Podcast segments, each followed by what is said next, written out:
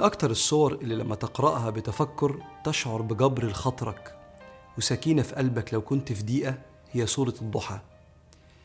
بيها اتجبر خاطر سيدنا محمد عليه الصلاة والسلام وسورة الضحى بتحكي قصة حب بين الله ورسوله. معلومة مهمة سورة الضحى هي السورة رقم 11 في ترتيب نزول السور ال 114 على رسول الله عليه الصلاة والسلام فهي في بداية الدعوة. سبب النزول إن في بداية نزول الوحي على سيدنا رسول الله عليه الصلاة والسلام ودعوته للمقربين من أهله وتكذيب بعضهم زي أبو لهب عمه. بعدها بفترة قليلة انقطع الوحي عن سيدنا محمد تقريبا لست شهور حتى حزن رسول الله عليه الصلاة والسلام.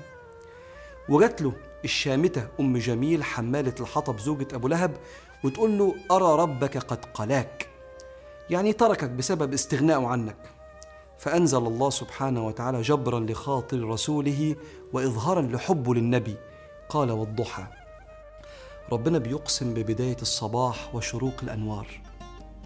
والليل إذا سجى يعني إذا دخل بظلامه الهادئ ومشاعره الهادئة. بيحلف ربنا للنبي عليه الصلاة والسلام. بعظيم مخلوقاته. ما ودعك ربك؟ ربنا مش سايبك لعدم احتياجه ليك. وما قلى يعني ما ترككش لعدم استحقاقك للرسالة.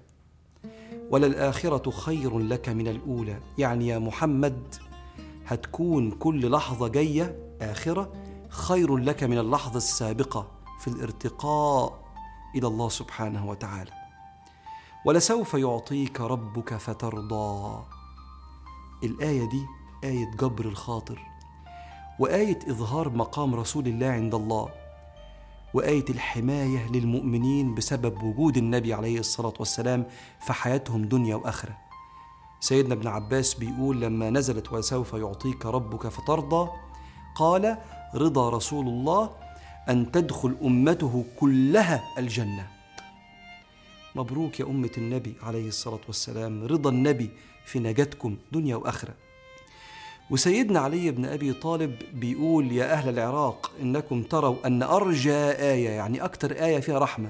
إنكم تروا أن أرجى آية قل يا عبادي الذين أسرفوا على أنفسهم لا تقنطوا من رحمة الله إن الله يغفر الذنوب جميعا. ده رأيكم إن دي أرجى آية. ونحن آل البيت نرى أن أرجى آية ولسوف يعطيك ربك فترضى.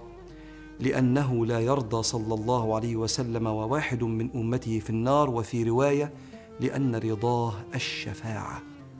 إنه يستسمح ربنا إن كلنا نخش الجنة. ثم ذكر ربنا بعد كده في الصورة لرسول الله ثم لينا بعد كده صفات الولاية. صفات الناس اللي ربنا بيتولاهم بعنايته ورحمته. قال له ألم يجدك يتيما فآوى؟ آواك الله لما وجدك يتيما مما سواه. ده انت ملكش غير ربنا يا محمد واللي ملوش غير ربنا ربنا دايما معاه. ووجدك ضالا فهدى ضالا لها ثلاث معاني. فحق النبي دايما نروح بعقولنا الأشرف المعاني. أول معنى من معاني ضالا يعني خارج عن طريق الحق. دي تليق بينا إحنا.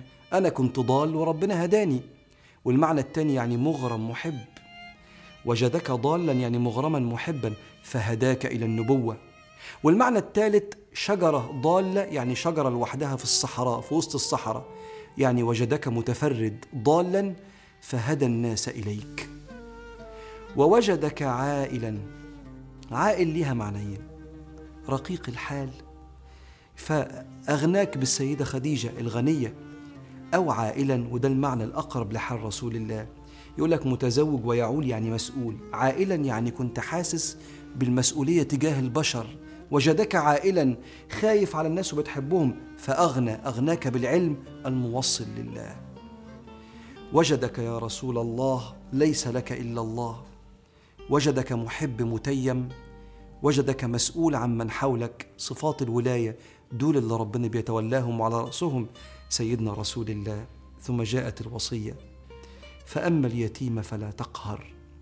يعني كن لليتيم كالأب الرحيم فخدها النبي فعاش بها رحمة للعالمين مش بس لليتيم.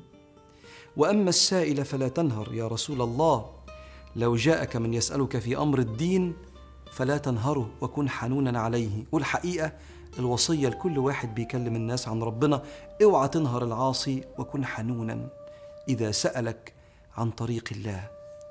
وأما بنعمة ربك فحدث. بيقول له مهما مر بيك من محن لا تتكلم عن الله إلا بكل خير عن عطاء الله وعن رحمة الله وعن ولاية الله لك لأن الله معك. ومش بس بيقول لك معاك ده بيحلف لك بالأكوان أنا معاك والضحى والليل إذا سجى. الكلام كان لرسول الله ولكل محب ملوش غير ربنا سبحانه وتعالى. فاللهم أعطنا حتى ترضينا وشفع رسول الله فينا. thank you